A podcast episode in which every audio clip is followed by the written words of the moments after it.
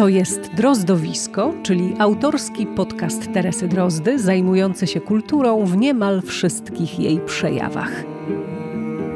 Jest 26 maja 2023 roku. Dzień dobry. Wiem, blisko miesiąc kazałam Wam czekać na nowe drozdowisko. Dziękuję za cierpliwość i za wszystkie wiadomości, które w tym czasie dostałam. E, no i też mam nadzieję, że w najbliższych tygodniach, choć także jak e, ostatni miesiąc, będę je trawić głównie w drodze, uda mi się zachować nieco większą regularność publikacji kolejnych odcinków. No i nie ma co czekać, bierzemy się za nadrabianie zaległości. 113 drozdowisko w całości nagrane zostało w Cieszynie i czeskim Cieszynie podczas 25. przeglądu Kino na granicy, który odbył się między 29 kwietnia a 3 maja 2023 roku. I to, czego posłuchacie, nie jest podsumowaniem tego fantastycznego festiwalu, nie jest też relacją z niego. Jest raczej impresją, pretekstem do spotkania z kilkoma osobami, z którymi pewnie nie spotkałem spotkałabym się wcale, albo nie spotkałabym się tak szybko. Wiedzieć Wam trzeba jeszcze, że kino na granicy to nie tylko spotkania z ludźmi filmu i wspólne tych filmów oglądanie, ale też niezwykle rozbudowany i bogaty program literacki odbywający się pod hasłem Literatura na granicy. Miałam zaszczyt być częścią tego programu, maczałam palce w jego powstawaniu, no i poprowadziłam kilka spotkań. Między innymi spotkanie z Krzysztofem Wargą i jego tłumaczami czeskim i węgierskim. Węgierski tłumacz Krzysztofa Wargi zaraz sam się Wam przedstawi, bo mój węgierski pozostawia sporo do życzenia. Tłumaczył też między innymi Witolda Gombrowicza, Władysława Rejmonta, Sławomira Mrożka czy Olgę Tokarczuk. Poznajcie go. Lajos Pafalwi, to nie jest skomplikowane. Jak to jest być tłumaczem polskiej literatury na Węgrzech? Wie pani, sytuacja literatury polskiej na Węgrzech jest specjalna, ponieważ przez wiele lat ten rynek książki był półzamknięty, więc e, wydawnictwa mieli nieograniczona ilość rubli i skrom, skromne zapasy waluty wymienialnej. Więc jeżeli ktoś potrafił kupić jakąś sensowną książkę za ruble, a niektóre e, polscy autorzy można było e, kupić, bo nie wszyscy reprezentowali agencje e, zachodnie. Na przykład ktoś w latach 60. mógł kupić prawa do wydania mrożka, to zrobił kolos, to, to dla wydawnictwa był interesem idealnym. Poza tym limitowano, ile można wydać z literatury zachodniej, ile trzeba z literatury rosyjskiej i tak zwanych bratnich narodów. Więc e, e, jeżeli so, wydawnictwo, skoro muszą wydawać literaturę z tych krajów, bardzo chętnie wybrali autorów polskich. Tłumacze e, literatury polskiej mieli niebywale poczucie jakości, że najlepszych autorów polskich odkryli już na samym początku stalinizmu. Wydali e, książki książki Brandisa, Woroszylskiego, Konwickiego. Oczywiście to była literatura, to, to były produkcyjniaki, ale jednak okazało się, że wybrali najlepszych autorów. Więc niektórzy byli obecni na rynku książki na Węgrzech, od początku lat 50. cały czas i potem ta, te wielkie nazwiska po 76 roku już nie były wydawani ze względów cenzuralnych i kiedy ja skończyłem polonistykę w Budapeszcie w połowie lat 80., mógłbym wybrać największe nazwiska, jak, nie wiem, Miłosz Gombrowicz, y, ale takie przekłady można było y, wydać tylko w drugim obiegu. Ale w, był e, na Węgrzech drugi obieg? Był bardzo skromny, nieporównalny e, e, z polskim drugim obiegiem i, i poza tym niestety nie starsze forum literatury. Raczej, wydali raczej teksty polityczne, więc nigdy nie udało mi się przetłumaczyć całej książki, tylko jakieś fragmenty. fragmenty. Ale jak to wszystko się skończyło w 90 roku, czyli 89, to y, mieliśmy przed sobą kolosalną ilość najlepszej literatury. I mogliśmy tłumaczyć Kolakowskiego, Herlinga Ludzińskiego, Miłosza Mrożka, wszystko. I to dla mnie na początek to miałem po prostu sytuację idealną i poza tym mogłem odkryć nowych autorów, debiutantów z mojego pokolenia. I kogo pan, kogo pan odkrył? Z czego pan jest dumny, o tym myślę? E, nie mogę powiedzieć, że odkryłem sta, Staszuka, bo przetłumaczyłem tylko jedną krótką książkę. Ale widziałem, jak zmieni się ta proza i, i bardzo chętnie pisałem o tej prozie i tłumaczyłem, bo nie zajmuję się z poezją. Więc e, w, w latach 90. znalazłem ten klucz pokoleniowy. Do Staszuka, a, a, a potem to też. Przez pewien czas byłem przekonany o tym, że Manuela Gratkowska pisze genialne książki. Bardzo mi się podobały. Ale jeszcze w latach 2000 śledziłem debiutantów i cały czas e, ta nowa proza i, i gdzieś jakoś zgubiłem ten wątek przed COVID-em i już się nie, nie orientuję kompletnie. W ogóle nie widzę polskiej powieści w ostatnich trzech latach powiedzmy. A czemu poszedł pan na polonistykę? Czemu chciał pan być polonistą? Chciał pan być tłumaczem, czy chciał pan coś jeszcze innego robić? Czy to był jakiś przypadek? Nie, to jest, to jest skomplikowana historia, ponieważ na Węgrzech studia były dwukierunkowe. Więc ja chciałem uczyć się na hungarystyce, ale musiałem coś wybrać. I, y, miałem, no, nie miałem talentu ani do historii, y, nie znałem na takim poziomie żadnego języka zachodniego, więc musiałem wybrać rusycystykę. Bo przecież ten język był obowiązkowy i masowo przyjęli studentów na takie studia. Część tych e, studentów od razu chciała zrezygnować i, i uciekali z rusycystyki na takie kierunki jak język portugalski, indologia, socjologia. Po prostu na uniwersytecie orientowałem się, że można zająć się z takimi przedmiotami, w których nie było, nie mieliśmy w liceum. Ale przed tym przez rok byłem w wojsku i tam już spotkałem się z kimś, który y, później studiował na polonistyce. Więc y, Myślałem najpierw, że zamiast rusycystyki będzie polonistyka, ale okazało się, że z rusycystyki mam zrobić jakieś rigorozum i dopiero potem mogę zrezygnować i wtedy już nie chciałem, bo, bo już łatwo było skończyć. Ale no, ten kierunek stał się dla mnie najważniejszy i to był bardzo ciekawy okres w Polsce, ponieważ na Węgrzech y, jeszcze y, próbowano nawiązać jakiś kompromis E, z reżimem i w, w Polsce widziałem, jak to wygląda, jak masowo odrzucają możliwości kompromisu. I myślałem, że można byłoby próbować taką strategię e, na Węgrzech też i poza tym zaczęła się ta koniunktura środkowoeuropejska. Widziałem, jakie kontakty ma polska i węgierska opozycja. Pamiętam, Jacek e, Mażarski był taką bardzo ważną postacią. To była ta solidarność polsko-węgierska też, też przecież. tak, tak, tak, chociaż niestety o wiele gorsza niż pol, e, polsko-czeska. polsko-czeska. I jak skończyłem studia, to potem pracowałem przez wiele lat w Bibliotece Akademii Nauk i tłumaczyłem literaturę i zrobiłem doktorat z historii literatury. I potem, e, jak szef polonistyki na Katolickim Uniwersytecie, zrobię karierę dyplomatyczną, to e, potem zacząłem pracować na jego miejscu i nadal tam pracuję. Więc... W Budapeszcie, na uniwersytecie? W Budapeszcie, tak. I poza tym mam pół etatu w Debrecinie i y, zresztą ty, tydzień temu byliśmy na wycieczce w Gdańsku i w Poznaniu. Jak... Ze studentami? Tak, tak. Dużo grup. A e, proszę mi powiedzieć, bo na przykład w e, Polsce czeska literatura jest w bardzo specjalny tak. sposób traktowana, jest uwielbiana, sporo się tych przekładów robi, sporo polskich książek tłumaczy się na czeski, aczkolwiek Czesi nie mają do nich takiego stosunku e, jak Polacy do tych czeskich książek.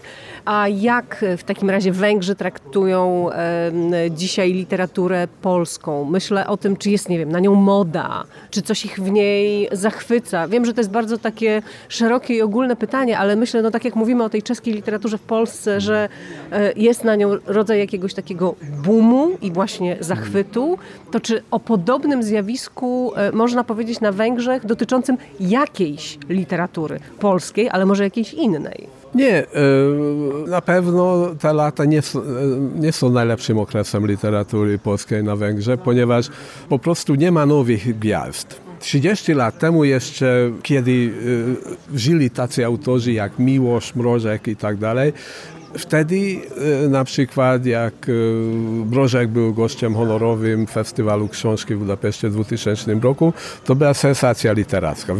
Wyszedł zbiór dramatu Mrożka i tak dalej. I, ale z, następnego, z następnych pokolenia już no, Oczywiście poza Olgą Tokarczuk, ale, to, ale zresztą z Tokarczuk też mieliśmy kłopot, ponieważ ona była na Węgrzech jako debiutantka. Miała tylko jedną książkę i był na spotkaniu w Pitch.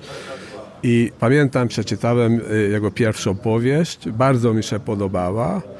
I potem ta książka wyszła, ale kiedy wyszła, autorka już nie lubiła swojej pierwszej książki i, i, i, nie bardzo cieszyła i nie zrozumiała, dlaczego nie wybraliśmy prawiek. I ja byłem pewien, że po prostu zaczynamy od początku i potem będą kolejne e, książki, ale wydawcom też nie, nie podobała się ta powieść i dyrektor dużego e, wydawnictwa w Budapeszcie mówi, że z tej pisarskiej nie będzie nic. Nie ma szansy na karierę międzynarodową. Trochę się pomylił. Tak więc e, trudno znalazła e, e, swoją wydawcę. Tłumacza zawsze miała, ale wydawcą, ale no, jakieś 8-10 lat temu już zaczęli normalnie wydawać i tłumaczyć. Czy ja, księgi Jakubowe też wyszły, więc... A ma pan rodzaj, czuje pan, że to, co pan robi dla polskiej literatury na Węgrzech, to jest rodzaj jakiejś takiej misji? E, bardzo nie lubię, bo, bo, nie, nie ani misji i w ogóle praca tłumacza to, to nie jest jakieś, nie wiem, pielęgnowanie przyjaźni narodów i tak dalej. To jest e, raczej jakieś, jakieś uzależnienie od języka. Jest pan uzależniony od polskiego? Nie, i, i od, od, pracy translatorskiej i to, to w ogóle to jest jakiś sposób życia. To bardzo piękne. Ale ostatnio coraz więcej tłumaczę tekstów naukowych i coraz mniej e, tekstów literackich. Bardzo dziękuję, bardzo dziękuję za to spotkanie. Pierwszy raz pan w Cieszynie? Przejechałem kiedyś, ale widzę po raz pierwszy. Bardzo się cieszę, że życie wróci do fazy przedcovidowej i zaczynamy żyć normalnie. Drozdowisko na 25. kinie na granicy, a ze mną Małgorzata Zajączkowska. Bardzo się cieszę i bardzo dziękuję, że znalazła Pani chwilę. Ja też się cieszę i dziękuję za zaproszenie. Z jakimi filmami przyjechała Pani do Cieszyna? Tutaj była pokazywana Tonia. Film Marcina Bortkiewicza, cudowny po prostu. No taki inny, inny niż wszystkie filmy i mieliśmy projekcję, rozmowę z publicznością. No i dzisiaj niestety muszę wracać. Hmm, czyli szybko i krótko. Tak, tak, bo mnie pędzą jakieś tam sprawy rodzinne, więc wyjątkowo krótko w tym roku. Ale przyjeżdża Pani tu? Och tak, to jest jeden z najpiękniejszych festiwali i nawet jak, y, jak nie mam filmu, to staram się tutaj wpaść, y, dlatego że udało się Łukaszowi zebrać grupę ludzi. Przepraszam, przypis Łukaszowi Maciejewskiemu, który jest e, szefem tak, tej polskiej części, jak gdyby tego polskiego programu Kina na granicy. I udało mu się zebrać grupę ludzi, która jest naprawdę zainteresowana kinem. A nie ma tutaj konkursu, w związku z tym nie ma żadnego napięcia, jest tylko przegląd, więc sobie chodzimy, gadamy, chodzimy na swoje filmy, omawiamy je, plotkujemy, chodzimy na czeską stronę, na knedliczki, no, no naprawdę i piwo. No, czyli obowiązkowo. No, naprawdę jest super. Miałaby Pani ochotę powiedzieć e, parę słów o Toni? Ja już o tym filmie mówiłam, dlatego, że miałam niesamowitą okazję oglądać go, wow, rok temu w Koszalinie na festiwalu E, Młodzi i film, gdzie on miał taki totalnie przedpremierowy, zupełnie niespodziankowy pokaz. No ja jestem w tym filmie dziko zakochana. No ja myślę, tak jak mówiłam, że to jest niezwykły film, dający nadzieję, radość i wydaje mi się, że on zostaje. Wczoraj ja go widziałam po raz pierwszy. Mhm, no. Nie widziałam. I duże wrażenie na mnie zrobił. Naprawdę duże wrażenie. Adaś Bobik genialny. Uważam, że naprawdę to y, rośnie, rośnie fajny, duży aktor, a tym bardziej jest to y, dla mnie bardzo miło o nim mówić, bo to był mój student. I nagle y, to, to jest fajne właśnie w tym zawodzie, że można kogoś przygotowywać do zawodu, a potem okazuje się, że jest to kolega z pracy i świetnie daje sobie radę to jest, y, to jest naprawdę bardzo fajne. A jest taki moment w tym zawodzie, kiedy, e, no właśnie, student, jakby to powiedzieć, zrównują się doświadczenia, czy jakiś taki rodzaj no, doświadczenia, nie mam tutaj lepszego słowa. Myślę o tym, czy, czy, czy nadchodzi taki moment, kiedy rzeczywiście e, ten kolega staje się takim absolutnie pełnoprawnym partnerem. Tak, no to zależy od talentu, od osobowości, ale co jest fajnego w tym zawodzie, że no aktorstwo jest za y, takim tu i teraz. Zmienia się język, zmienia się rytm y, mówienia, kładzenie akcentów. Młodzi w tej chwili zupełnie inaczej dialogują. Internet wszystko zmienił. I pracując z nimi, ja się też od nich uczę tego nowego świata, w którym niby jestem, ale już, y, jak kiedyś powiedziała Kalina Jędrusik do Gustawa Chlubka, Guciu, myśmy już byli. To oni zmieniają świat oni w tej chwili nadają ton. I kombinacja tych rzeczy, że oni od nas biorą to, co dobre, a my od nich to, co dobre, jest bardzo ciekawym zabiegiem. I cały czas się dzieje, więc to jest, to, to jest fajne. I tutaj jest partnerstwo. Czyli aktorstwo jest procesem? Oczywiście, że tak. Jest też odzwierciedleniem y, współczesności. No, jeżeli opowiadamy historie, które dzieją się tu i teraz dla ludzi, którzy to oglądają tu i teraz, nie można można mówić językiem archaicznym, ale emocje i emocje pozostają, prawda, stare. Natomiast y, porozumiewanie się, to znaczy rytm, kładzenie akcentów, co jest ważne, sposób patrzenia, no, no niestety to, to musi być współczesne, żeby widz się z tym utożsamił. I to nawet wtedy, kiedy opowiadamy historię dziejącą się na przykład w epoce, prawda, ale kręconą dzisiaj. Ale oczywiście, że tak. Tak jak nikt nie mówi L przedniojęzykowego, prawda, ale dawniej było to naturalne, w tej chwili jest to no, sztuczne. Sztuczne, nie do zniesienia dla młodych ludzi. A ponieważ odbiorcami są głównie młodzi ludzie, trzeba im podać... Yy, ułatwić odbiór filmu, zachowując jednak y, ten szacunek do tego, co opowiadamy. A wierzy Pani w to, że sztuka może zmieniać rzeczywistość, wpływać na nią jakoś albo właśnie zmieniać? Ja uważam, że tak się dzieje. Ja uważam, że tak się dzieje, że sztuka nawet czasami nie zdajemy sobie sprawy, jak bardzo jest obecna w naszym życiu. Uważam, że bardzo wpływa y, na nas, jakie książki czytamy na co lubimy chodzić do teatru, to bardzo na nas wpływa, czy jakie filmy oglądać. Tak, to na nas wpływa. Ja myślę bardziej o takim, e, e, bo, bo to wpływa na to, jakimi jesteśmy ludźmi. To jest jasne. Przy czym każdy ma wtedy ten kod e, trochę inny, trochę swój. Ja bardziej myślę o tym, że są takie książki, filmy, być może obrazy. No nie wiem, pierwsza rzecz taka totalnie banalna mi przychodzi do głowy, czyli Szał Podkowińskiego, tak? -hmm. który też zrobił jakąś tam rewolucję w myśleniu w ogóle o tym, co można i jak można. Mm, ale tu nie jestem mocna. Natomiast e, książki czy filmy przychodzą mi do głowy takie, które rzeczywiście pod ich wpływem na pewne rzeczy zwrócono uwagę i pewnymi rzeczami się na przykład zajęto, tematami, trudnymi tematami społecznymi. Tak. Tylko, że musimy też zrozumieć, że w tej chwili jest tak straszny zalew wszystkiego przez internet. Myśmy mieli pewne kanony, które były prostsze. I oczywiste dla wszystkich, I prawda? oczywiste dla wszystkich. W tej chwili to jest nie do ogarnięcia, ale ja uważam, że to jest, że kanon pewien trzeba poznać. Ale jak powiedzieć młodym ludziom, żeby nadniemne Morzeszkową przeczytali, gdzie no po prostu dla nich jest to...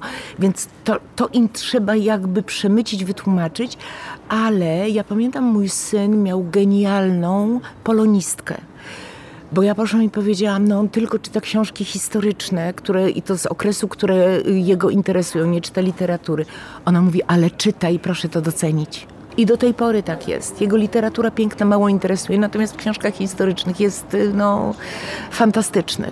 Więc y, ten wybór, który ma w tej chwili ci, ci młodzi ludzie mają, no jest y, i od nich też trzeba się uczyć pewnych rzeczy. To jest cudowne, że pani to mówi, e, bo, bo jednak pokutuje Właśnie myślę, że to jest chyba już rodzaj takiego stereotypu, że on pokutuje, że starsze pokolenia wyłącznie na tę młodzież narzekają i od czci i wiary ją odsądzają. Zawsze tak było. Już w starożytności, już nie pamiętam kto pisał, że koniec świata nadchodzi. Sofokles chyba, czy któryś właśnie z tych mędrców pisał, że y, filozofów, że nachodzi koniec świata albo sobie z młodym pokoleniem nie daje rady. To jest odwieczny problem, ale kijem Wisły nie zawrócimy. Oni mają swoje prawa, oni zmieniają świat. Nie my y, z, z tego pokolenia i trzeba nimi gdzieś mądrze pokierować, ale też spojrzeć na to, co oni proponują, co ich interesuje i, i trochę im uwierzyć. Pani wierzy na przykład młodym reżyserom? Idzie pani za nimi? Tak, ale w takiej mierze jak starym. Są starzy reżyserzy, znaczy starzy. No, no okej, okay, bierzemy to w cudzysłów. Tak, tak. Bardzo dobrzy i do dupy, przepraszam. I tak samo jest z młodymi. Tylko przy okazji debiutanta na przykład tego nie wiadomo z góry, czy on będzie ten super, czy on będzie ten do D. Ale bierze się scenariusz, no i jakoś albo mu się ufa, prawda? Jest też rozmowa z reżyserem i człowiek widzi, e, jak on myśli o tym świecie, który chce przedstawić w tym filmie, na czym mu zależy. I albo się w to wchodzi, albo nie. To samo jest właśnie ze starszymi reżyserami. Też tak mam, że czasami się spotykam i myślę, Jezu Maria, jak się z tego wywinąć. A, a, a czasami spotykam się z młodym reżyserem i nawet jeżeli finansowo to nie wygląda tak, jakbym marzyła, wchodzę w to, bo jest to ciekawe. Czyli też to jest już taki moment, że też nie musi pani gonić ze wszystkim, nie musi pani chcieć wszystkiego, tylko ma ten komfort, czy tę wolność wyboru. Tak, to jest y, wielki przywilej tego wieku, że nie mam kredytu. Y, Mam emeryturę i mogę sobie pozwolić, żeby zawodowo bawić się w to, co chcę. Z jakiegokolwiek powodu chcę, mogę się w to bawić. I to jest, y, i to jest wielki komfort. To też wynika z tego, że ja nagle doceniłam, bo jak do mnie dawniej nikt nie dzwonił przez dwa dni, to myślałam, że świat się zawalił i cały świat o mnie zapomniał. A w tej chwili e, ja mam e, komfort siedzenia na przykład na balkonie, czytania książki, picia sobie winka albo kawy i się nie martwię, że telefon milczy. I to, jest, to daje taki lekki dystans, ale jednocześnie jak pojawia się coś ciekawego, to zależy. Więc ja pu, pu, uważam, że jestem w, naprawdę w idealnym takim y, momencie do spełniania swoich marzeń, bo to jeszcze na tym polega, że po raz pierwszy w swoim dorosłym życiu mam czas dla siebie. Najpierw człowiek chciał pracę, prawda? Najpierw studiował, potem pracę, żeby to się wszystko układało. Potem było małżeństwo, potem było dziecko, potem trzeba się było opiekować rodzicami, potem spłacać kredyt. I nagle wszystko jakby odeszło i ja mam czas dla siebie. Dziecko jest dorosłe, rodzice niestety odeszli, kredytu nie ma i ja mogę robić co chcę. Jest to naprawdę przepiękny czas. O Jezu, słucham i, i, i po prostu uśmiecham się z góry na dół.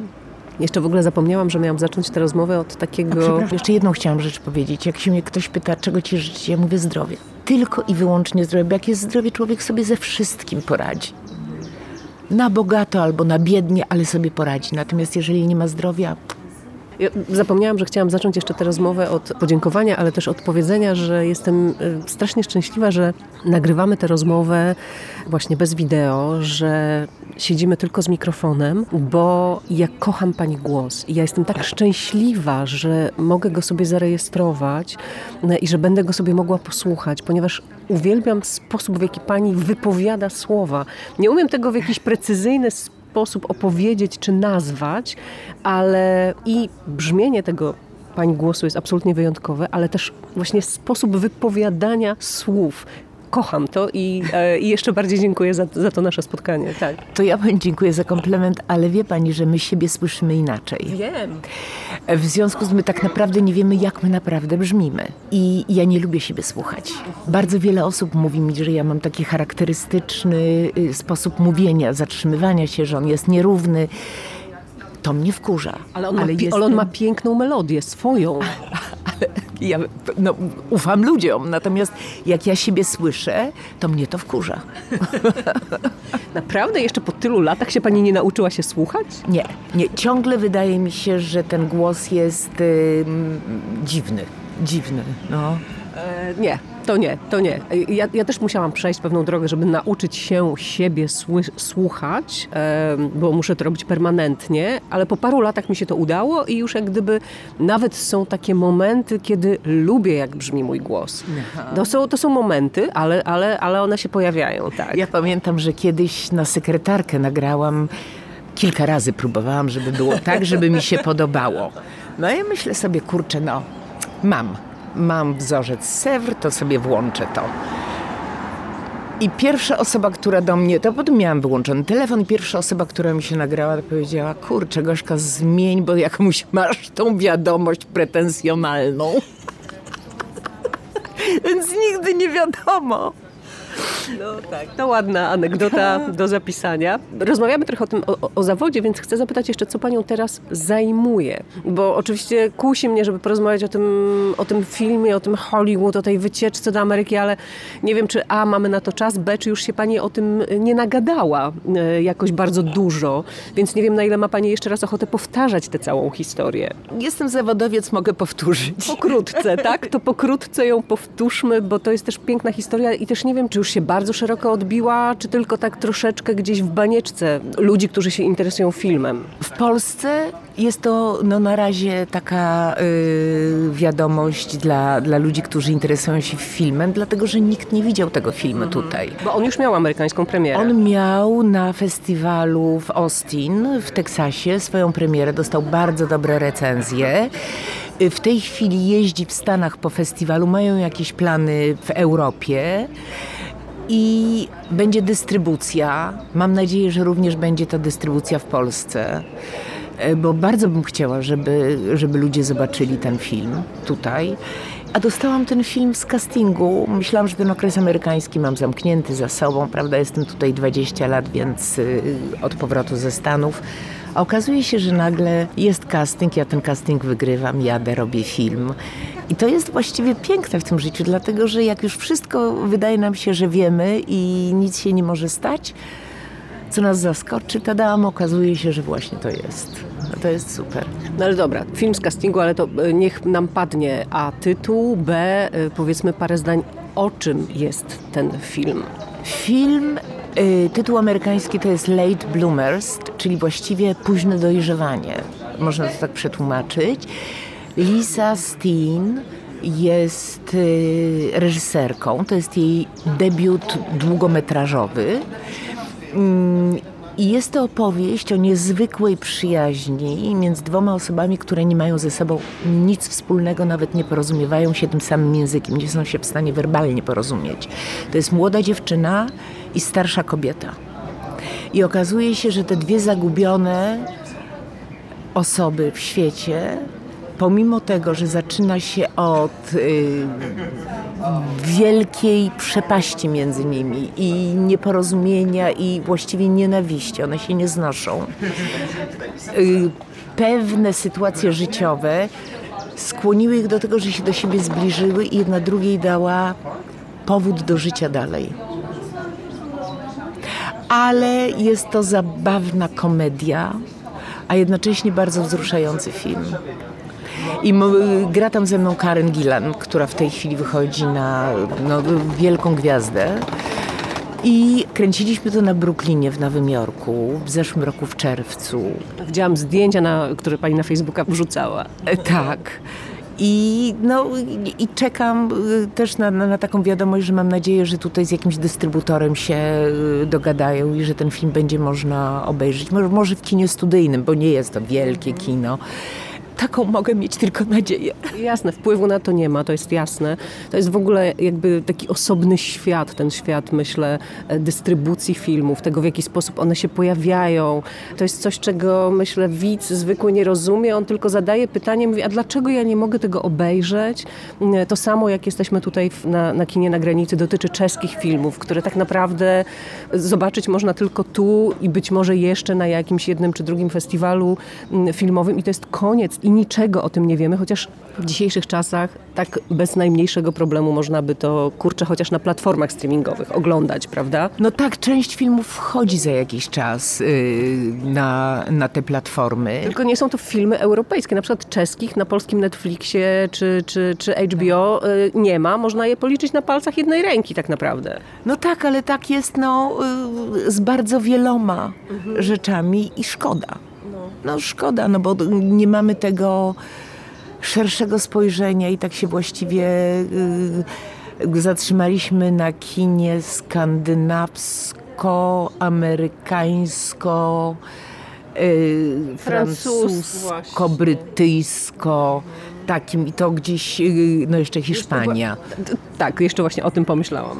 Tak, ale tak to, no to, to jest główny rynek. Czasami tam. Ja ostatnio właśnie ob- obejrzałam na Netflixie islandzki serial.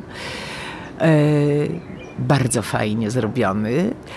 I nigdy bym właściwie nie nacisnęła otwórz, gdyby nie to, że z dwóch różnych stron usłyszałam od moich znajomych, którzy byli na Islandii, o kulturze, o niesłychanej atmosferze, która tam panuje i myślę sobie, to może w tych serialach będzie coś z tego i dlatego to otworzyłam.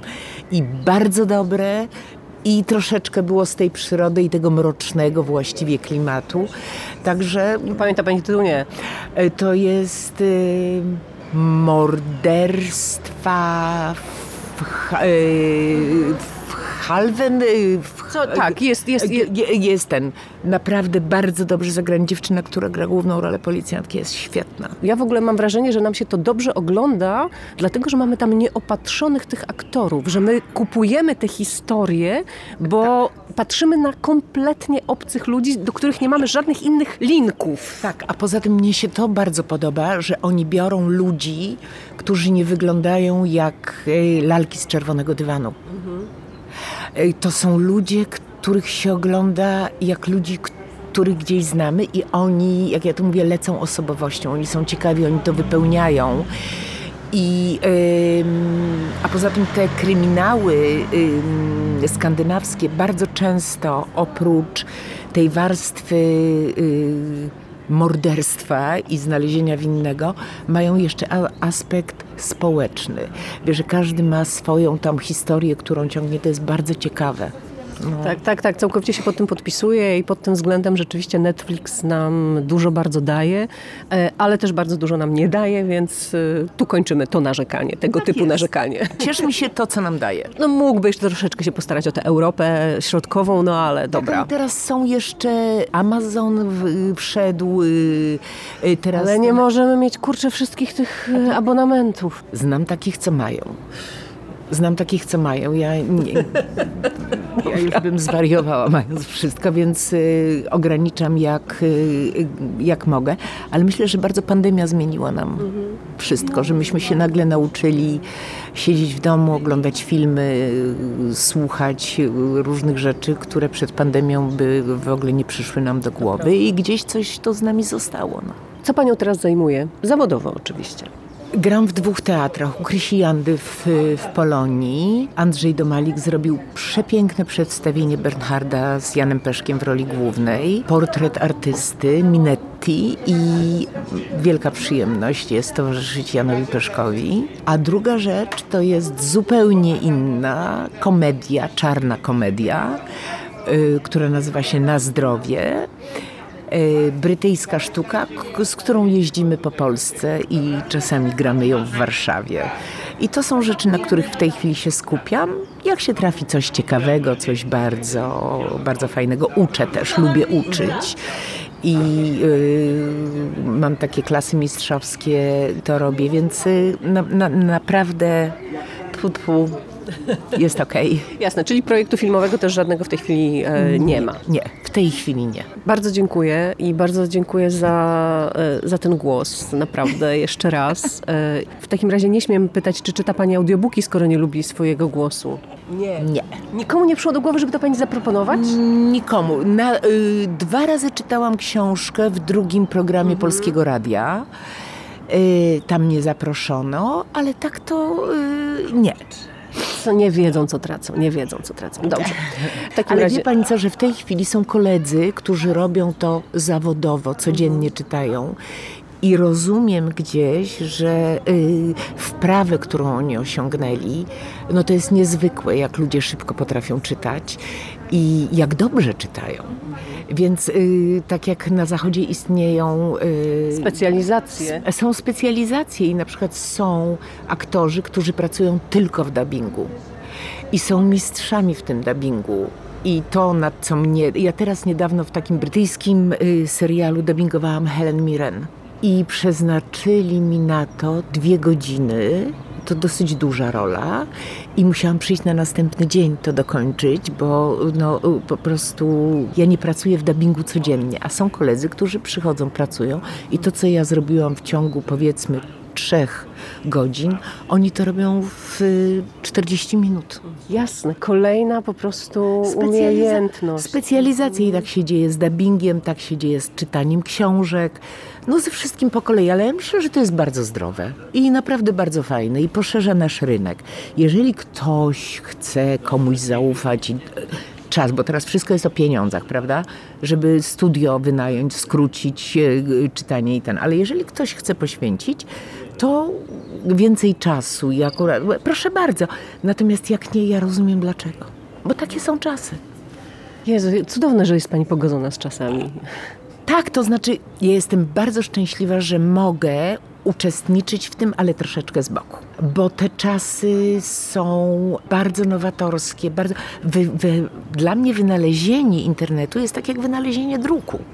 To jest w ogóle nowy język, nowy rozdział i to idzie w tempie zastraszającym do, do Ja już sobie z pewnymi rzeczami nie radzę. Zawsze młodych proszę gdzieś na planie czy na próbie, że a, jak to się robi, jak tam to się robi. Yy, I, yy, ale to jest normalne, no. Raz jeszcze bardzo dziękuję. Życzę zdrowia. Tak jest. I do zobaczenia, do usłyszenia. Do usłyszenia, dziękuję bardzo.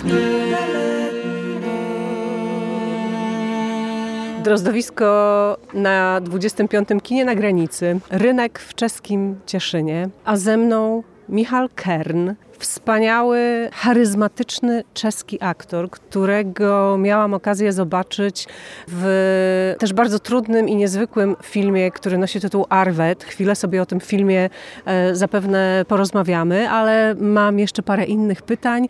Dobry dzień. Cieszy mnie to oprawdu, a chciałabym Wam e, pogratulować tej hlavní postawy w tym Arvedu. Jste i držitel tego czeskiego lwa za tą roli, že? Ano, ano i ceny filmové kritiky. Ja, takže jsem to vybral letos všechno. Ale ja myslím, že, že, že, že by to miało być, protože to je neuvěřitelná pro mě rola. Ja myslím, že jste ją zahrał očima. Mm -hmm. Je to tak. Je to tak? Je to tak. Było to ciężkie? Protože mm-hmm. to je wasza první tak velká rola ve filmu, že? Mm-hmm. Těžké to bylo asi jenom, řekl bych, v průběhu toho hledání a zkoušení a těch příprav, ale samotné to natáčení už byl prostě pro mě obrovský životní zážitek, protože jsem na tom place už věděl, co přesně hraju, jak to mám hrát, jednotlivé motivace. Vlastně jsem to měl do detailu, řekl bych, naskoušený, probraný s panem režisérem a, a šli jsme na plac, myslím, jako perfektně připravení.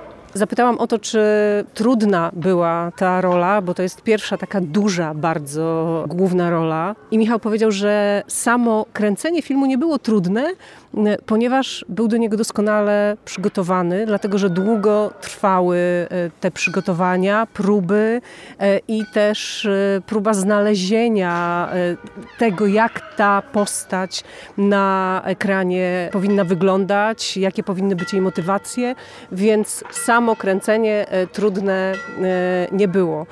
Protože ja myślę, że je to takový trochu divadelní film. Ano, ano. A taky jsme to vlastně tak i zkoušeli. V podstatě to vznikalo jako divadelní představení. Že jsme měli opravdu čas i ten prostor na toto zkoušet jako v prostoru, jako jednotlivé scény, tak jako se zkouší divadlo. I ja, ja powiedziałam, że to jest trochę film teatralny i e, rzeczywiście tak właśnie jest i że te przygotowania też e, trochę wyglądały tak, jak e, wyglądają próby w teatrze. No a jak ste se k temu filmu dostal? Po niejakiej roli v divadle, anebo po něčem takovém? Mm-hmm. Vojta Mašek, režisér filmu, vlastně je můj spolužák. Já jsem byl na divadelní fakultě a on paralelně studoval filmovou fakultu a vlastně už tam si mě nějak všimnul, ale pak jsme se třeba 20 let neviděli. Já jsem, si ho, já jsem si ho ani nepamatoval z těch studií, on mě jo, prej, já jeho ne.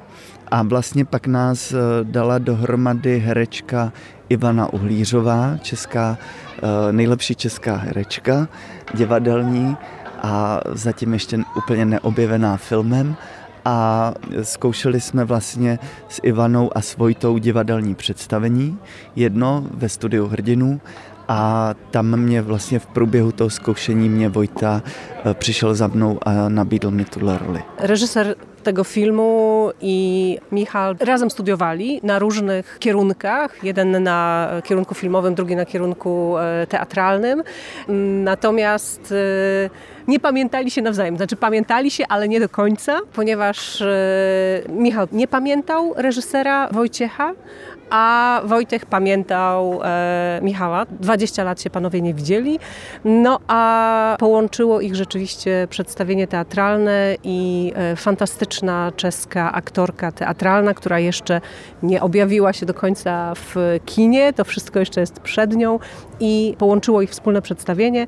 No i w czasie tych prób e, e, reżyser e, zaproponował mu tę rolę. A tak wiśnie, co odkud se Wojciechowi wzal ten napad, ten snímek? Tam došlo k tomu, Vojta má nějakého kamaráda, který mu o tom Arvédovi vyprávěl. A uh, já jsem Arvéda neznal, mm-hmm. ani Vojta Mašek, myslím, že ho v Čechách do tohohle filmu neznal vlastně nikdo.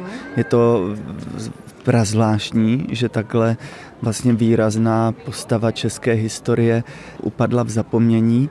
A možná je to těžká postava, nějak, nějaká, protože tak nejednoznačný. Tak... Nejednoznačný, ano. A, a myslím si, že taky zkrátka tu, tuhle postavu ten kamarád Vojtovi jakoby představil a Vojta tím, že se jsou jeho témata, Faustovo téma, eh, téma viny a téma eh, zla a dobra a všechny tyhle témata, že se mu vlastně hodili k tomu, eh, jako zároveň se propojil s tou postavou a říkal si, to je ono, o tom natočím film. E, Arwet jest postacią historyczną, ale to była postać zupełnie nieznana, e, trochę zapomniana w Czechach. Być może też dlatego, że jest bardzo niejednoznaczna. Tutaj nie będę Wam opowiadać, e, o czym jest ten film, choć z drugiej strony spokojnie bym mogła, dlatego że myślę sobie, że poza tutaj festiwalem w Cieszynie bardzo ciężko będzie go zobaczyć gdzieś w Polsce. Myślę, że Neni to takowy film, który najdę niejaką propagację w Polsku, protože je opravdu nieco komplikowany. Niemniej przyszedł z tym pomysłem, czy z tym bohaterem e, do, e, do reżysera jego przyjaciel, a ponieważ e, i pan reżyser Wojtek poszukuje tematów trochę faustowskich, tematu winy, tematu dobra, tematu zła. E, tak mu się to wszystko też jakoś skleiło w głowie i wymyślił, że, e, że ten właśnie film zrobi. Ja muszę Wam powiedzieć od siebie, że to jest jeden z najbardziej niesamowitych filmów, jakie widziałam w ostatnich miesiącach, czy może nawet latach. I choć oglądam go kolejny raz, bo chcę zobaczyć, czego nie zapamiętałam, czego nie zobaczyłam, czego nie zrozumiałam, to jednocześnie mam takie poczucie, że jest to coś absolutnie wyjątkowego. Aczkolwiek musim říct, że były niejakie, nie wiem, recenze, które niejak ten film zrównawały z szarlatanem e, Agnieszki Holland. Ja jsem nic nečetla, mhm. ale myslím, že můžete to vědět. Určitě by, to je vlastně podobný téma. Vlastně ten šarlatán byla taky historická postava reálná a e, svým způsobem taky nějak nejednoznačná, taky nějakým způsobem zaprodaná režimu a vlastně v tom si s tím Arvédem byli, řekl bych, v tomhletom jako něčím podobný, nicméně ten Arvéd si myslím, že je mnohem víc ještě nejednoznačný, mnohem víc ten jeho život je zahalený tajemstvím a mnohem víc je to tem, temnější postava, bych řekl, už jenom tím, že se vlastně zabývala tím okultismem a vyvoláváním ďábla. Ale taky já myslím, že ten váš film není jenom o, o tej biografii. On, on myslím, że neměl cíl, aby tą biografię niejak e, rozpracować, albo o niej opowiedzieć. W Szarlatanu to było, że? Ano, ano, bylo to tak. Bylo to, myslím, i vyprávěný chronologicky, mm-hmm. takže e, v tom se to... A tady já si myslím, že opravdu ten příběh toho Arvéda Smíchovského posloužil tomu svébytnému scénáři, úplně originálnímu scénáři, který, který byl spíš jakoby inspirací a na motivy toho jeho životního příběhu. Ja zapytałam o to, czy były jakieś porównania w Czechach e, pomiędzy Arwedem a Szarlatanem, ponieważ obie te, mm, obaj ci bohaterowie, e, obaj byli postaciami historycznymi, obaj byli trochę zapomniani, a nawet bardzo zapomniani, ale też jednocześnie e, w tych ich historiach jest trochę podobieństw, ponieważ mm, co prawda Szarlatan nie zajmował się czarną magią, choć z drugiej strony można by, patrząc na to, co robił, interpretować to też jako jakieś, jakąś magię czy jakieś czary.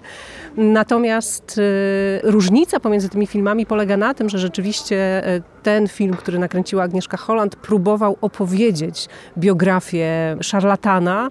Nie pamiętam w tej chwili, wybaczcie, tego y, nazwiska mm, czeskiego prawdziwego. Natomiast Arwet tej historii mm, biograficznej nie opowiada. Ta postać, ten bohater jest pretekstem do tego, żeby no właśnie zanurzyć się w te tematy E, o których mówiliśmy przed chwilą, czyli trochę w tematy faustowskie, trochę w te tematy igrania z Bogiem, wywoływania diabła, no właśnie takiej trochę czarnej, e, czarnej magii, jak to mówimy e, po polsku. Jeszcze nieco o tym, o tym filmu, niejaka anegdota, anebo něco takového. Anekdota, uh, anekdota ani vlastně se tam moc uh, nedělá, spíš jsme Spíš bylo zajímavé, že jsme všichni měli z toho tématu obrovský respekt uh-huh. a že jsme se, což bude znít možná trošku komicky, ale na tom place vlastně všichni vůči těm temným silám uh, chránili, že jsme byli obezřetní a vyměňovali jsme si česneky na place a krystaly a byli jsme takový opatrní. No. A hlídali jsme se, jestli se náhodou nezačne něco dít. Zapytałam o jakąś anegdotę związaną z, z kręceniem filmu i Michał mówi, że nie, żadna anegdota nie, ale że troszeczkę się tego tematu e, wszyscy bali, że byli bardzo ostrożni, że e, mieli czosnek, tym czosnkiem się wymieniali, no trochę tego diabła po prostu e, chcieli od siebie odsunąć. Ještě zajímavé, že vlastně já jsem třeba byl varován hereckými kolegy, ať se do takových věcí úplně nepouštím a dávali mi za příklad, když Schwankmajer točil Lekce Faust film, uh-huh. tak tam údajně zemřelo šest lidí ze štábu a Petr Čepek zemřel po tom natáčení. Uh, za Petr Čepek byl český herec, herec. Ve, velmi známý, velmi úspěšný filmový a divadelní uh, herec, který působil hlavně v činoherním klubu v Praze, velká herecká osobnost česká, myslím si, ale zemřel poměrně mladý, bych řekl. A vlastně já jsem třeba, oni tam během toho lekce Faust, tam jsou taky ty zaříkávadla, jako my máme, taky ty magické formulky a já jsem třeba záměrně pozměňoval písmenka eh, protože Schwankmer údajně nechal uh, ty formulky znovu předabovat, aby to nemělo kontakt obraz a slovo. A já jsem vlastně na to on to vlastně taky začal tak si mírně pozměňovat písmenka. Jsem třeba vypustil písmenko nebo přidal písmenko. E, przytacza mi tutaj e, Michal tak e, historię filmu o doktorze Faustusie, który był w Czechach nakręcony e, przez bardzo znanego reżysera Jana Schwankmajera. E, I przy kręceniu tego filmu e, umarło sześciu ludzi w sztabie, a potem aktor, który w tym filmie grał, też dosyć szybko po jego skończeniu e, umarł. Więc Michal mówi, że kiedy wypowiada różne tajemne formuły, które w tym jego filmie, w tym Arwedzie się pojawiają, zmieniał e, w tych słowach litery, przestawiał, dodawał po to, żeby tych formułek nie wypowiadać tak, jak one rzeczywiście brzmią, żeby się trochę przed tą czarną magią bronić, a to samo było w tym doktorze Faustusie, że potem, kiedy był robiony dubbing, ponieważ no to jest stary film, więc e, dźwięk nie był kręcony bezpośrednio na planie, tylko potem był e, dogrywany w studiu, też Schwankmajer dbał o to, żeby te zaklęcia, te, te magiczne formuły nie brzmiały tak, jak rzeczywiście są napisane. Tak jsem to pochopila správně? Aby, aby vlastně, aby tam nebyl ten kontakt mezi tím mluveným slovem a tím obrazem. Tak proto on ten obraz jako nechal, ale ten hlas tam dodal jakoby uměle potom zpětně, aby to právě nebylo úplně synchronní, aby to třeba právě nespůsobilo nějaký jako věci. Nikdo neví. E, po prostu próbował troszkę rozłączyć obraz z dźwiękiem Schwankmajer, żeby właśnie e, nie kusić e, tego diabła. Tak se na jedną jeszcze zeptam, gdzie można was uwidzieć? W Pradze, w niejakim diwadle? Mm-hmm. V Praze vlastně ve spoustě divadlech, od Národního divadla přes Studio hrdinů, po Městská divadla Pražská, až teď zkouším třeba Edvarda II. krále, takže jsi na volné noze? Na volné noze, ano, už několik let. Aha. A teď zkouším ve Venuši ve Švehlovce, což je takový alternativní prostor a tak to různě střídám. A máte nějakou e, takovou oblíbenou hru e, nebo roli, kterou e, kterou možná ještě v novém sezónu nebo v tom uvidět? Mm-hmm. Teď bohužel loni skončil uh, Sen čarovné noci Shakespeareov v Národním divadle, kde jsem hrál Puka 6 eh, nebo 7 let. Velice krásné a úspěšné představení a mě ta role opravdu strašně bavila a byl to jako takový, jako, byla to vlastně, dá se říct, životní moje role. A teď eh, se těším právě na tu novou roli toho Edvarda II., protože to je pro mě obrovská výzva. Takže bude to v nějakým takovém alternativním divadle, ale v Praze? V Praze, ano, ano. A kdy bude ta premiéra? 16 mm, czerwca już. Aha, tak za chwilkę. Ano, ano. 16 czerwca będzie premiera Edwarda II. Jo? jo Christopher Marlowe. To, to był Shakespeare'ów současník.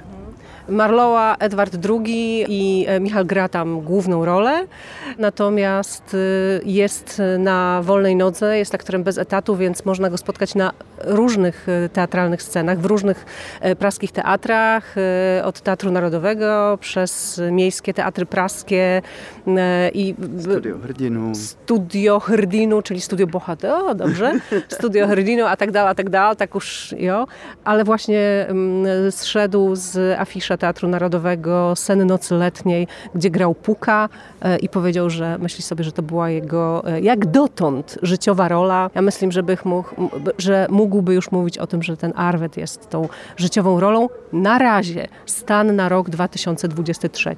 Myślę, że możesz si říkat, że ten Arwet jest ta żywotni rola, gdy jsme w roce 2023, protože to bude já myslím pokračovat. Děkuji. A, a ja się cieszę, że mam dalszego e, czeskiego herca, z którym się muszę jak powidać, a kołkać się na niego w tej Pradze. To jest w ogóle, wiecie, wspaniałe w e, Cieszynie, e, bo przyjeżdżają tutaj aktorzy czescy, których my w Polsce nie znamy. Nawet jeśli gdzieś tam z widzenia ich kojarzymy, nie pamiętamy nazwisk, nie wiemy jak się nazywają, nie wiemy całej ich historii, E, I to jest wspaniałe, bo, e, bo kiedy przyjeżdżają tutaj, objawią się nam w jakimś filmie, to potem Ja tak robię. E, możemy sobie za nimi e, krok po kroczku gdzieś tam po tych Czechach e, chodzić, więc się szalenie cieszę, że mam kolejnego czeskiego aktora, na którego teraz będę w Pradze po prostu w teatrach polować. To na pewno. Także można, że, że tego Edwarda, myślę, że w czerwcu to, to nejde, ale przyszli sezona, tak ano. Super, budu se těšit. tak já se ozvu. jo.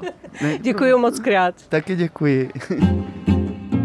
Tyle Michal Kern, niezwykły i charyzmatyczny czeski aktor. I teraz uwaga, news. Otóż film Arwet dostępny jest na platformie HBO Max i każdy, kto ma do niej dostęp, może go obejrzeć. I mówię o tym nie dlatego, że drozdowisko jest sponsorowane przez HBO, bo niestety nie jest, ale dlatego, że to po prostu bardzo rzadka rzecz, żeby móc po polsku bez problemu obejrzeć sobie w domu nowy, znakomity, nagradzany czeski film. Jeśli sami nie macie HBO, pytajcie znajomych i umawiajcie się na seans. Moim zdaniem warto. Drozdowisko na 25. kinie na granicy, na której to imprezie o prymat nieustannie walczy literatura z kinem. E, raz wygrywa kino, raz wygrywa literatura, ale w tym roku wyjątkowym i specjalnym gościem literackiego programu Kina na granicy jest pan Antoni Kroch, który zgodził się poświęcić parę minut y, słuchaczom Drozdowiska, nam, wam, mnie. Dzień dobry, panie Antoni. Dzień dobry, jest to mój debiut na Drozdowisku, więc jestem bardzo wzruszony i stremowany.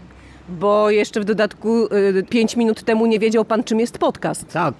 Nie wiedziałem, czym jest podcast, ale teraz wiem dzięki uprzejmości pani redaktor. Czy z tego wyciągnę praktyczne wnioski, to jest inna sprawa, ale w końcu bardzo, bardzo jest to dziwne. Ale człowiek uczy się całe życie. Oczywiście, tylko po co?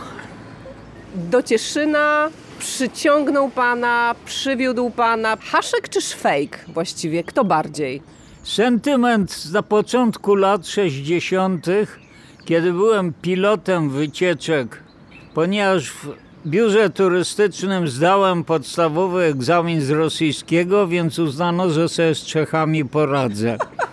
Ja, ja nie miałem żadnej wiedzy i pewna pani profesorka z Banskiej Bystricy, kiedy mówiłem przez telefon, że grupa czeska z Banskiej Bystricy, ponieważ nie zdawałem sobie sprawy z tego, co mówię, ona mnie zaprosiła na kawkę i zrobiła pierwszy w moim życiu wykład, że są Czesi i Słowacy, że to są dwa odrębne narody.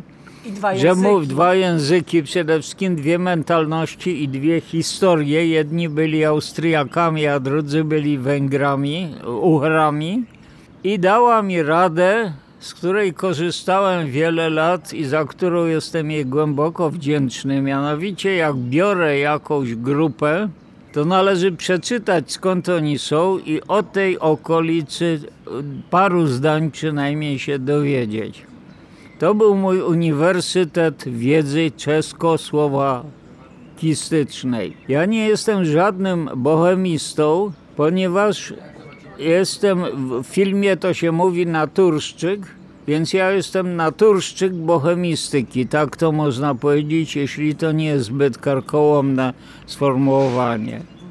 A do Cieszy, a Cieszyn kocham, bo tam odbierałem na moście granicznym wycieczki.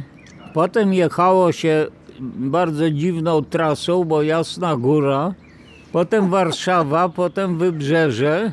Reakcje tych ludzi i ich różna mowa to było dla mnie coś ogromnie ważnego i zacząłem się tego uczyć. No i doszedłem do tak wspaniałych rezultatów jak dzisiaj. Mówi pan po czesku niesłychanie i e, na kinie publiczność mogła to e, usłyszeć.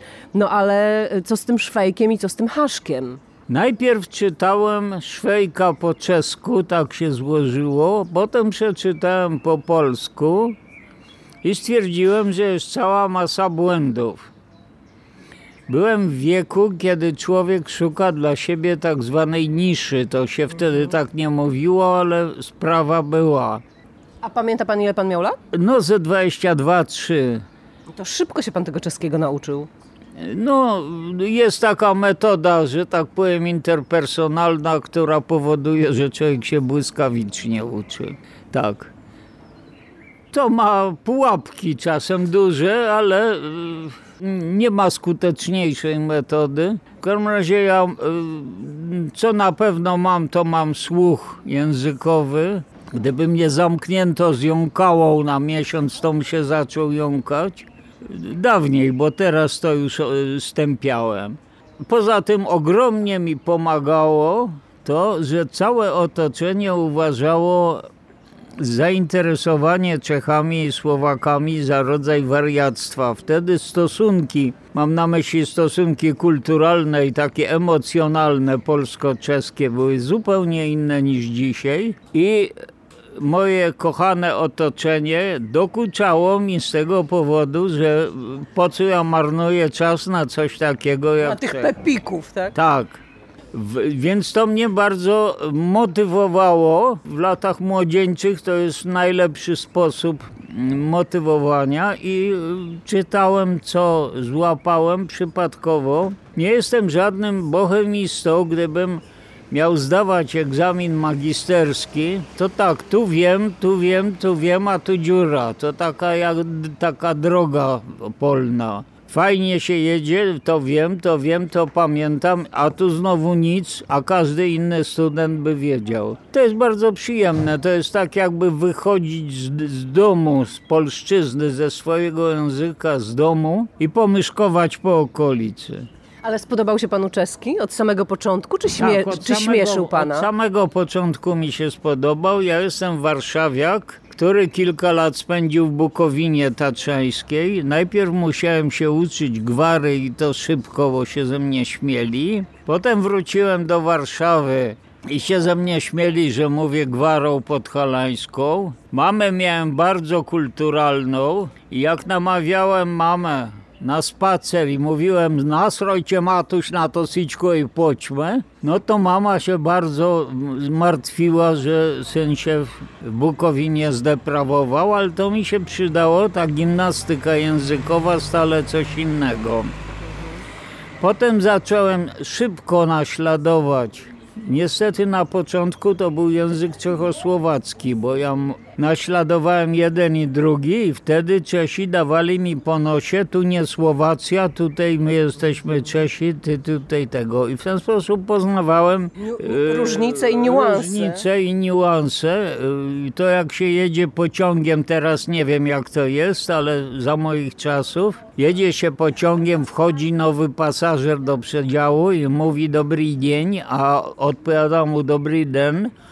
Już od razu, ja cię nie znam, y, tego nie lubię cię, muszę cię tolerować, bo ty mówisz dobry dzień, a ja mówię dobry den. Tak to było. To się y, ogromnie zmieniało.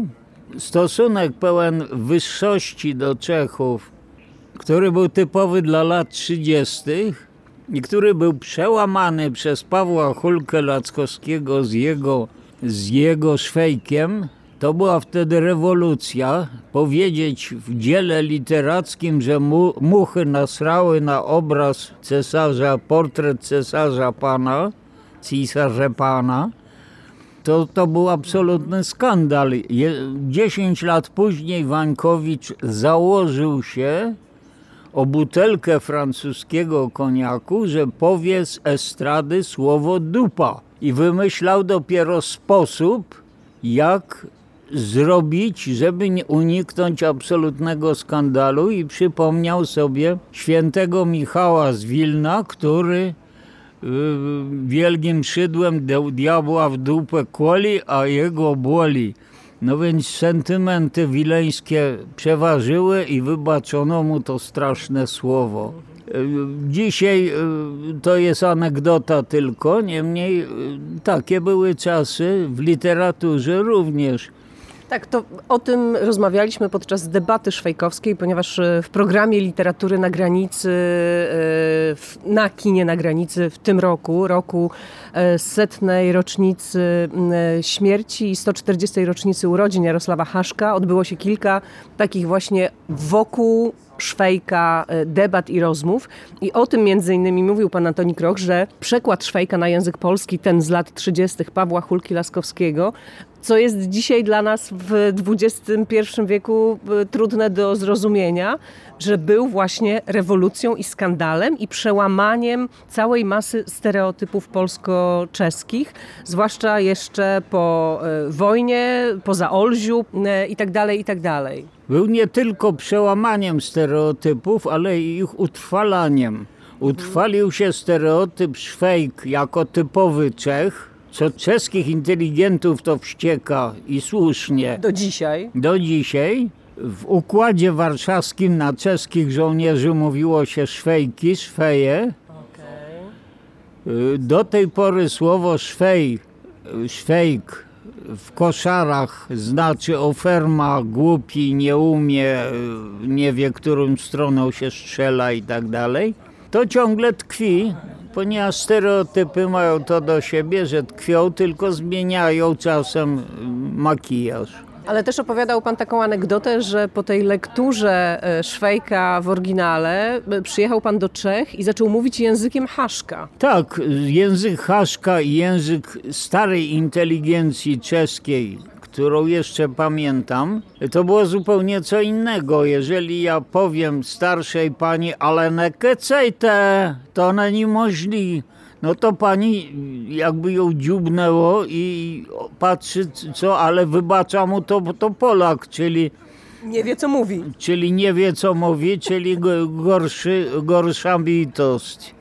A mnie się to parę razy zdarzyło i to bardzo było ciekawe. Język Szwejka to jest plebejski język, to jest nowy, nowy środek wyrazu w literaturze nie tylko czeskiej, ale Haszek to robił nieświadomie. nieświadomie? To był, Szwejk to były zeszyty, on to pisał dla pieniędzy, to były zeszyty, tak jak zeszyt, nie wiem, o żonie, która zamordowała męża, albo o yy, zbójcach, którzy okradli kupca w lesie, o takie mniej więcej utwory. I on to rozumiał w ten sposób. To, że to się okazało po pierwszych kilku zeszytach, światowym bestsellerem. Pierwszy przekład na niemiecki, potem teraz w tej chwili jest, proszę pani, 120 języków świata przetłumaczyło Szwejka. Wietnamski na przykład. Bo jest to dzieło ponadczasowe, jest to dzieło mówiące o sprawach aktualnych, mimo że po stu latach. Jest to dzieło o rozpadzie monarchii austro-węgierskiej. Teraz inna monarchia się powoli rozpada. Czy takie koszty będą, to inna rzecz. Jest to dzieło ponadczasowe.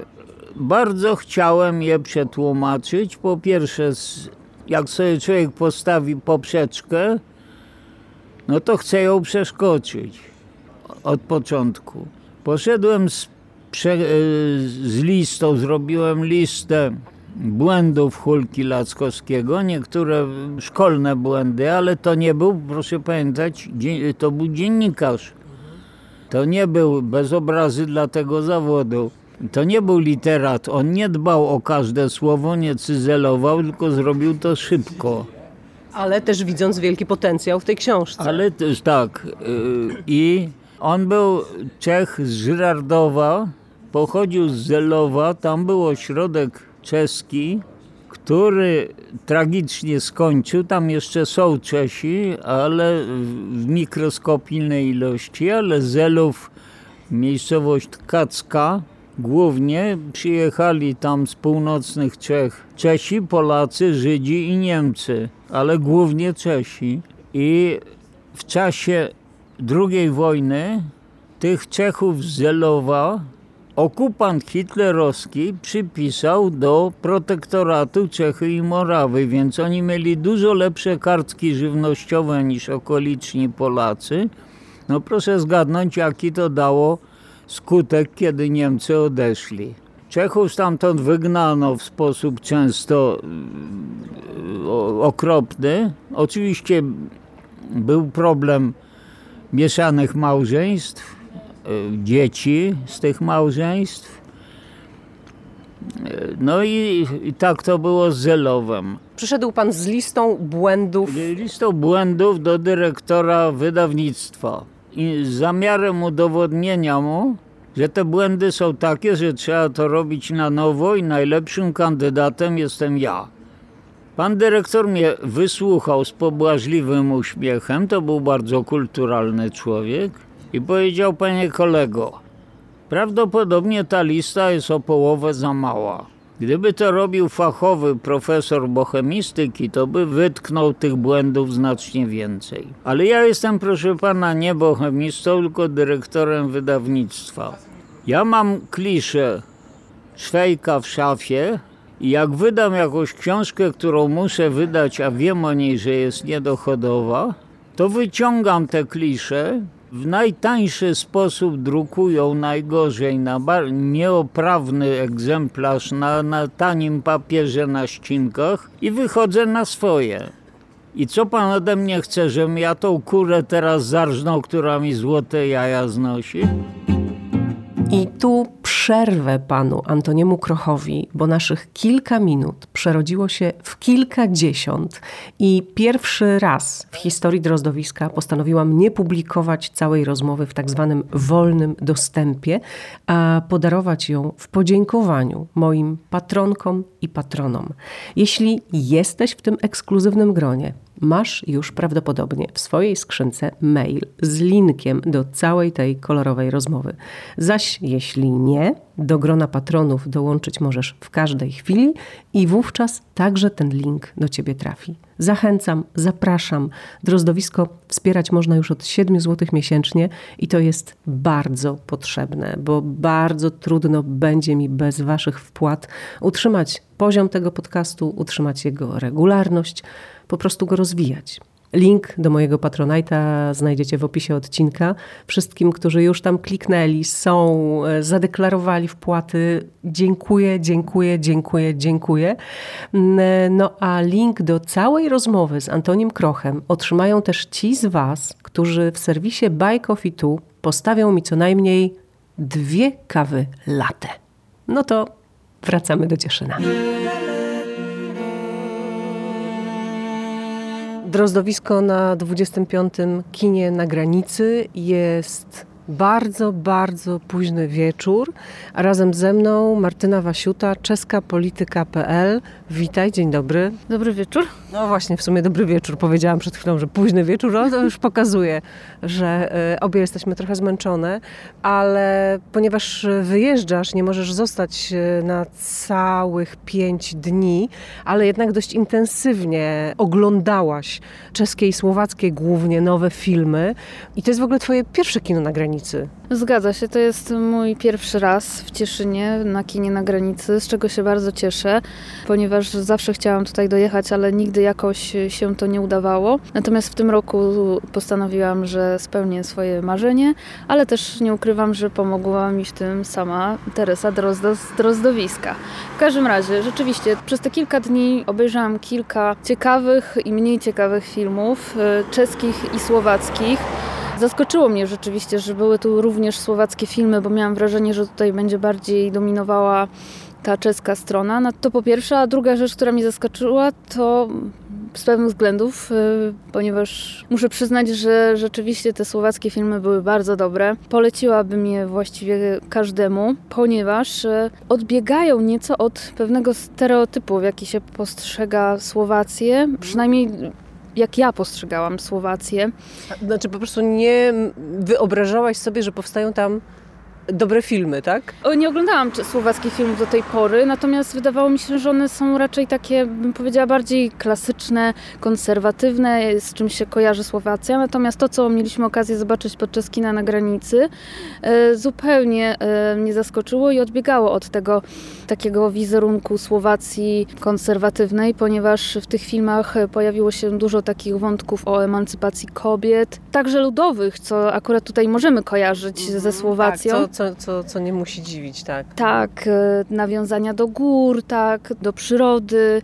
I właśnie, tak jak wspomniałam, troszkę do polityki, do tego, jak zmienia się pewnie słowackie społeczeństwo, ponieważ oba filmy, które widziałam, e, to były filmy Światłonoc i mm, Służąca. Mm, Jasne, ja, Służka, czeski tytuł, bo to jest, y, oba chyba te filmy są w ogóle koprodukcją e, też czeskosłowacką. Z czeską telewizją, E, tak. Czes, tak, ale i, i grają i czescy i słowaccy aktorzy, Aktorzy. ale rzeczywiście one się... są Słowaczki. To też jest bardzo ważne, że właśnie to są kobiety, które stworzyły filmy o kobietach i na uwagę naprawdę zasługuje to, że przemycają dużo takich ciekawych wątków, które na, w pierwszej chwili wydają się może dość odważne, ale tak naprawdę potrzebne. Zresztą też w debatach z aktorami i twórcami tych filmów często pojawiały się właśnie e, takie argumenty, że trzeba o tym mówić, że to są tematy ważne, chociażby właśnie jakby emancypacja kobiet, czy, czy właśnie, czy też e,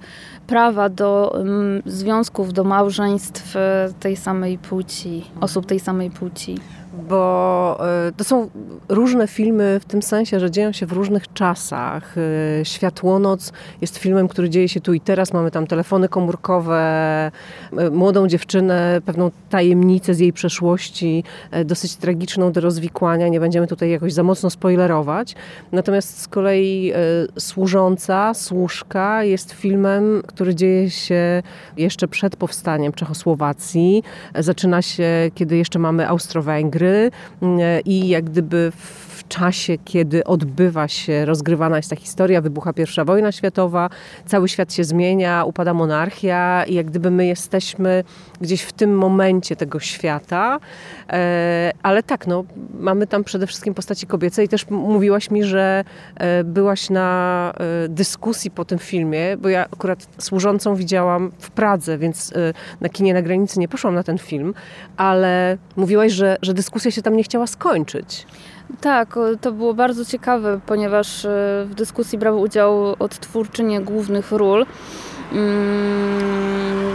które grały właśnie, no też nie chcę tutaj zdradzać tej fabuły filmu, ale Grały bliskość. tak, tak. I to było świetnie pokazane, ponieważ e, to nie był typowy film o tym, e, że mm, mogą pojawiać się bliższe relacje między kobietami, ale o tym właśnie, że każda z nas, każdy człowiek potrzebuje bliskości i niezależnie, i ona przychodzi po prostu od osób, od których byśmy się nie spodziewali.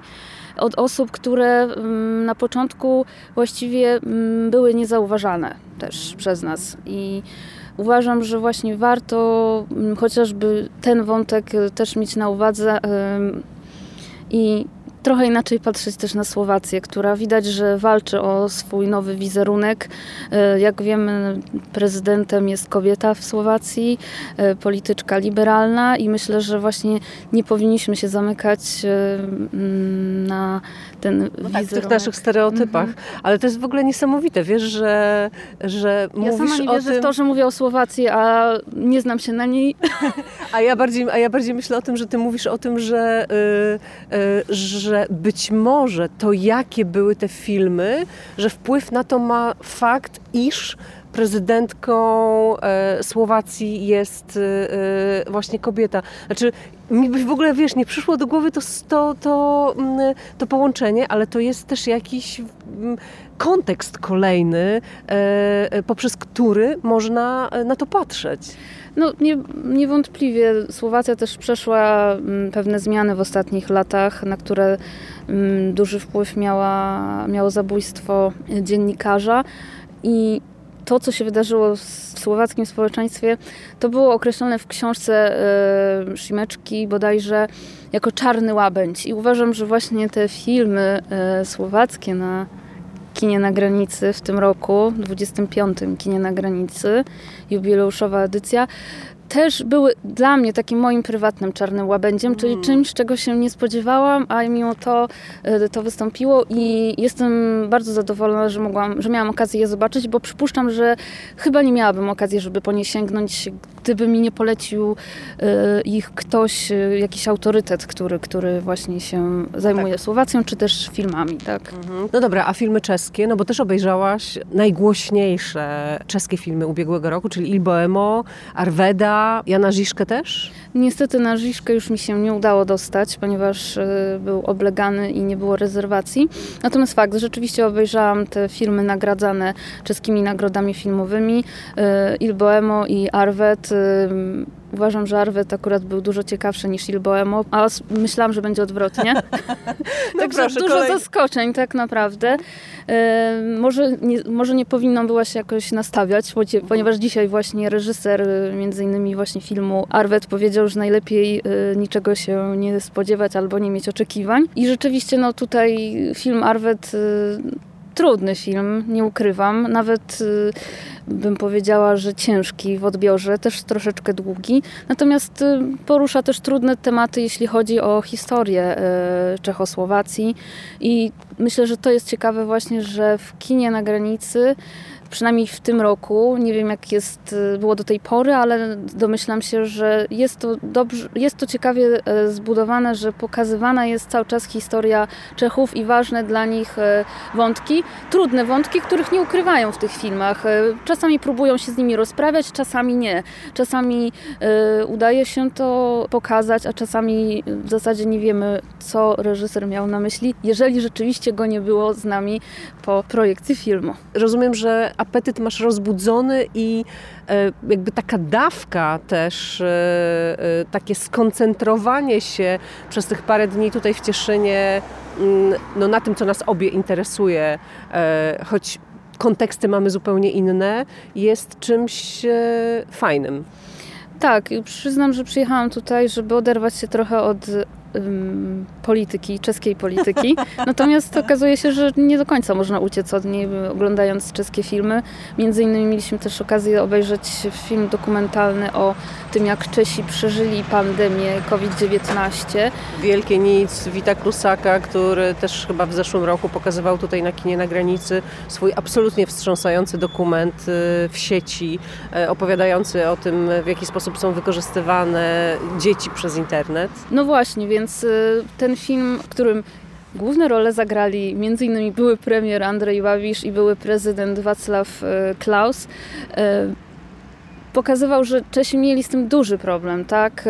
Bo z jednej strony obawiali się tych restrykcji, starali się ich przestrzegać, a jednocześnie w społeczeństwie pod tą skorupą wrzało pojawiało się kilka takich głosów, stronnic, nie wiem jak to nazwać, y, ludzi, którzy próbowali podburzać y, Czechów i w tym filmie akurat zostało to bardzo uwypuklone, y, moim zdaniem y, chyba aż za bardzo. Tak? Tak, bo no, było kilka oblicz tej pandemii w społeczeństwie, a w tym filmie było bardzo dużo na temat właśnie tych ruchów anty- Antyszczepionkowców a, i tych, którzy tak. nie wierzą w COVID. Tak, i zostali oni sportretowani, co zresztą słusznie myślę, jako grupa mm, osób, które właściwie nie wiedzą, co mówią i nie wiedzą właściwie o co chodzi w tej pandemii. Y, Gadają czasami naprawdę absurdalne rzeczy, porywając ze sobą pewne tłumy, bo organizują manifestacje. Mm, I to, co jeszcze bym chciała powiedzieć, y, żeby połączyć ten film z tym, co się obecnie dzieje w Republice Czeskiej, to, że trwają także protesty przeciwko rządowi mm, z powodu wysokich cen, rosnących cen energii, oczywiście wiadomo problemy y, podobne do nas, do naszych w Polsce. I w protestach tych jednymi z rzeczników też są ci sami ludzie, którzy organizowali te protesty w czasie pandemii, że to jest takie środowisko, które po prostu y, lubuje się w teoriach spiskowych I zawsze jest przeciw. tak, i zawsze aktualny kontekst stara się dostosować do swoich potrzeb, żeby zabłysnąć. Więc cieszę się, że ten film też się pojawił na kinie na granicy, ponieważ no, jak widać e, zmieniają się problemy, ale ludzie czasami zostają ci sami. Martyna Wasiuta, e, czeska polityka.pl, bardzo Ci dziękuję za te Twoje wrażenia. Widzimy się w Pradze, a potem widzimy się e, w Cieszynie na 26. kinie na granicy. Już nie mogę się doczekać. Dziękuję. Dopowiem jeszcze, że Martyna Wasiuta po powrocie z Cieszyna w Tygodniku Powszechnym opublikowała artykuł dotyczący jednego z filmów dokumentalnych, które obejrzałyśmy wspólnie podczas kina na granicy. To film zatytułowany Wielkie Nic Wita Klusaka i Mariki Pechaczkowej, a artykuł linkuję Wam w opisie odcinka. Drozdowisko na 25. kinie na granicy w Cieszynie i w czeskim Cieszynie. Festiwal powoli się kończy, a wraz ze mną Marcin Piotrowski z podcastu Znak Litera Człowiek. Witaj, dzień dobry. Dzień dobry, dzień dobry, witam Państwa, witam Cię Tereso.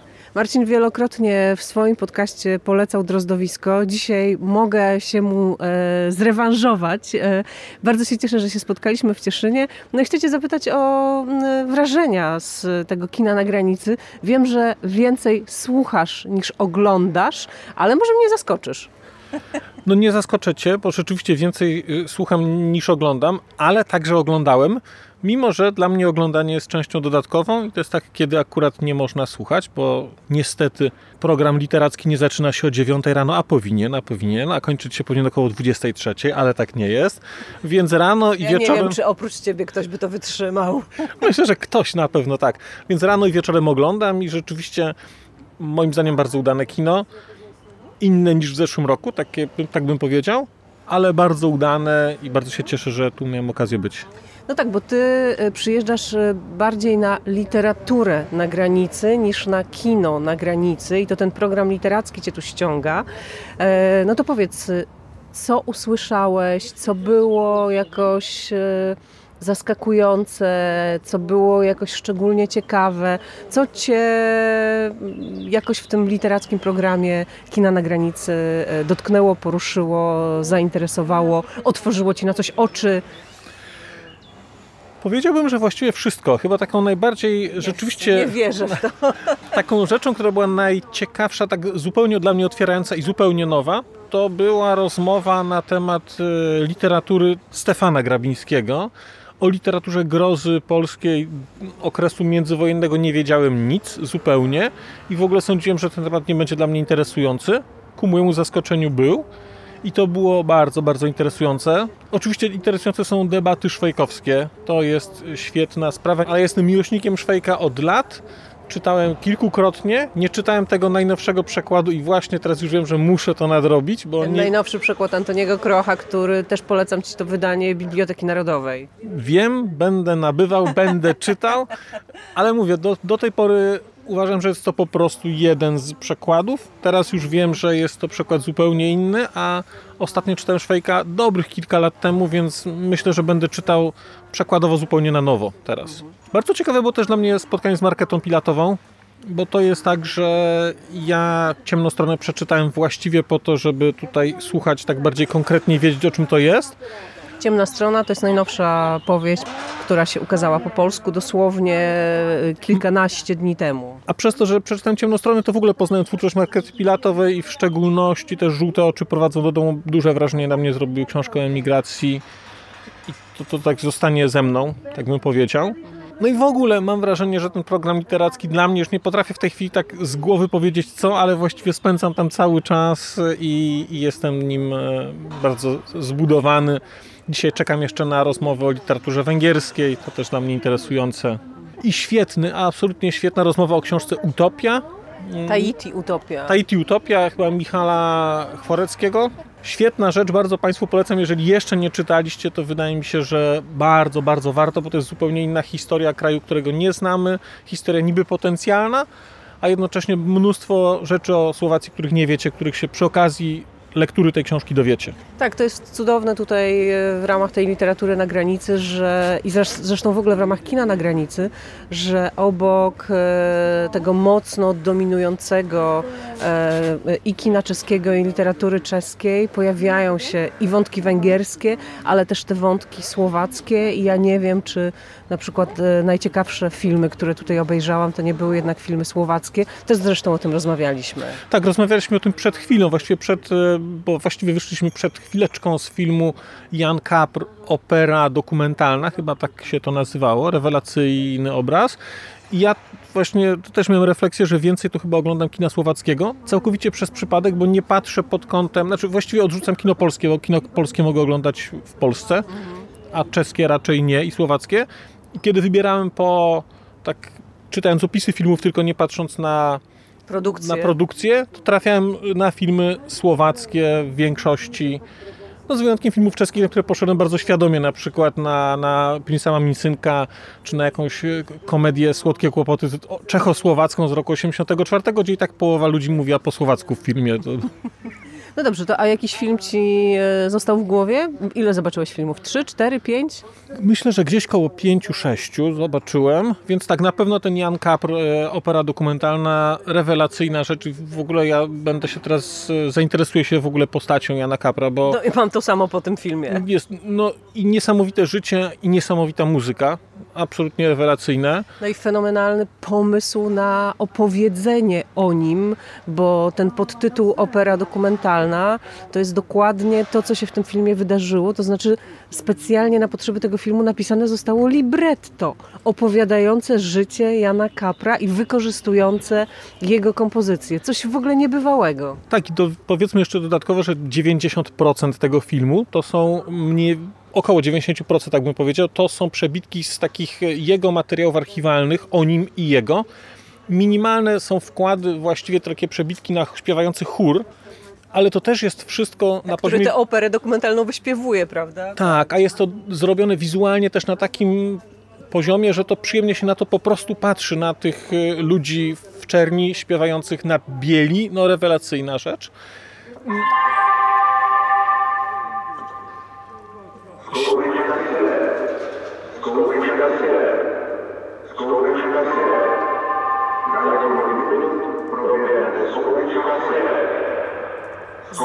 Zapowiadają coś. To jest... Bo jesteśmy na rynku w czeskim Cieszynie i to jest jakiś komunikat, który się tak. zaczyna właśnie pojawiać. Skąśka całe, e, jakby Nie ćwicząc. Trudno zrozumieć. Mhm, bo się odbija dźwięk. Ale chyba się skończyło. Znakomity też film Arwet o takim czeskim, nie wiem jak to powiedzieć, no iluzjonista to nie, to nie był iluzjonista. Spiry, okultysta, spirytualista. Mm, bardzo, bardzo wyjątkowa też postać i świetnie zrobiony film, bardzo taki niepokojący i taki otwarty, ze świetnymi zdjęciami i taki no poruszający, tak bym powiedział.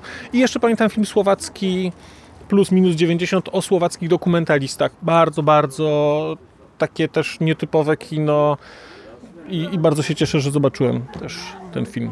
W takich dawkach y, kultura jak ci wchodzi? No, wchodzi mi bardzo dobrze, bo przyznam, że jak e, sobie tak myślałem, kiedy oglądałem poprzedni jakiś film, to ja, ponieważ dużo czytam i właściwie wolny czas poświęcam na czytanie, to praktycznie nie oglądam filmów, ale tak naprawdę zupełnie, zupełnie, zupełnie. Więc nie wiem, czy tak realnie nie oglądałem filmów jakiś rok temu, może bo pomiędzy były chyba jakiś Bond jeszcze, którego oglądałem, ale tak naprawdę oglądam filmy na kinie na granicy rzeczywiście kilkarocznie. No to jest niestety cena, którą się płaci za to, że się czyta. Bo to jest twoje drugie kino. To jest moje drugie kino i myślę, że nie ostatnie. Marcin Piotrowski, Znak Litera Człowiek. E, e, szukajcie i na Spotify'u, i na YouTubie, i w innych platformach e, streamingowo-podcastowych. I rozumiem też, że przygotowujesz materiały do swojego podcastu, które zainspirowane zostały tym, co zobaczyłeś i co usłyszałeś tutaj. Tak, na pewno. Bardzo dziękuję za polecenie. Zapraszam Państwa.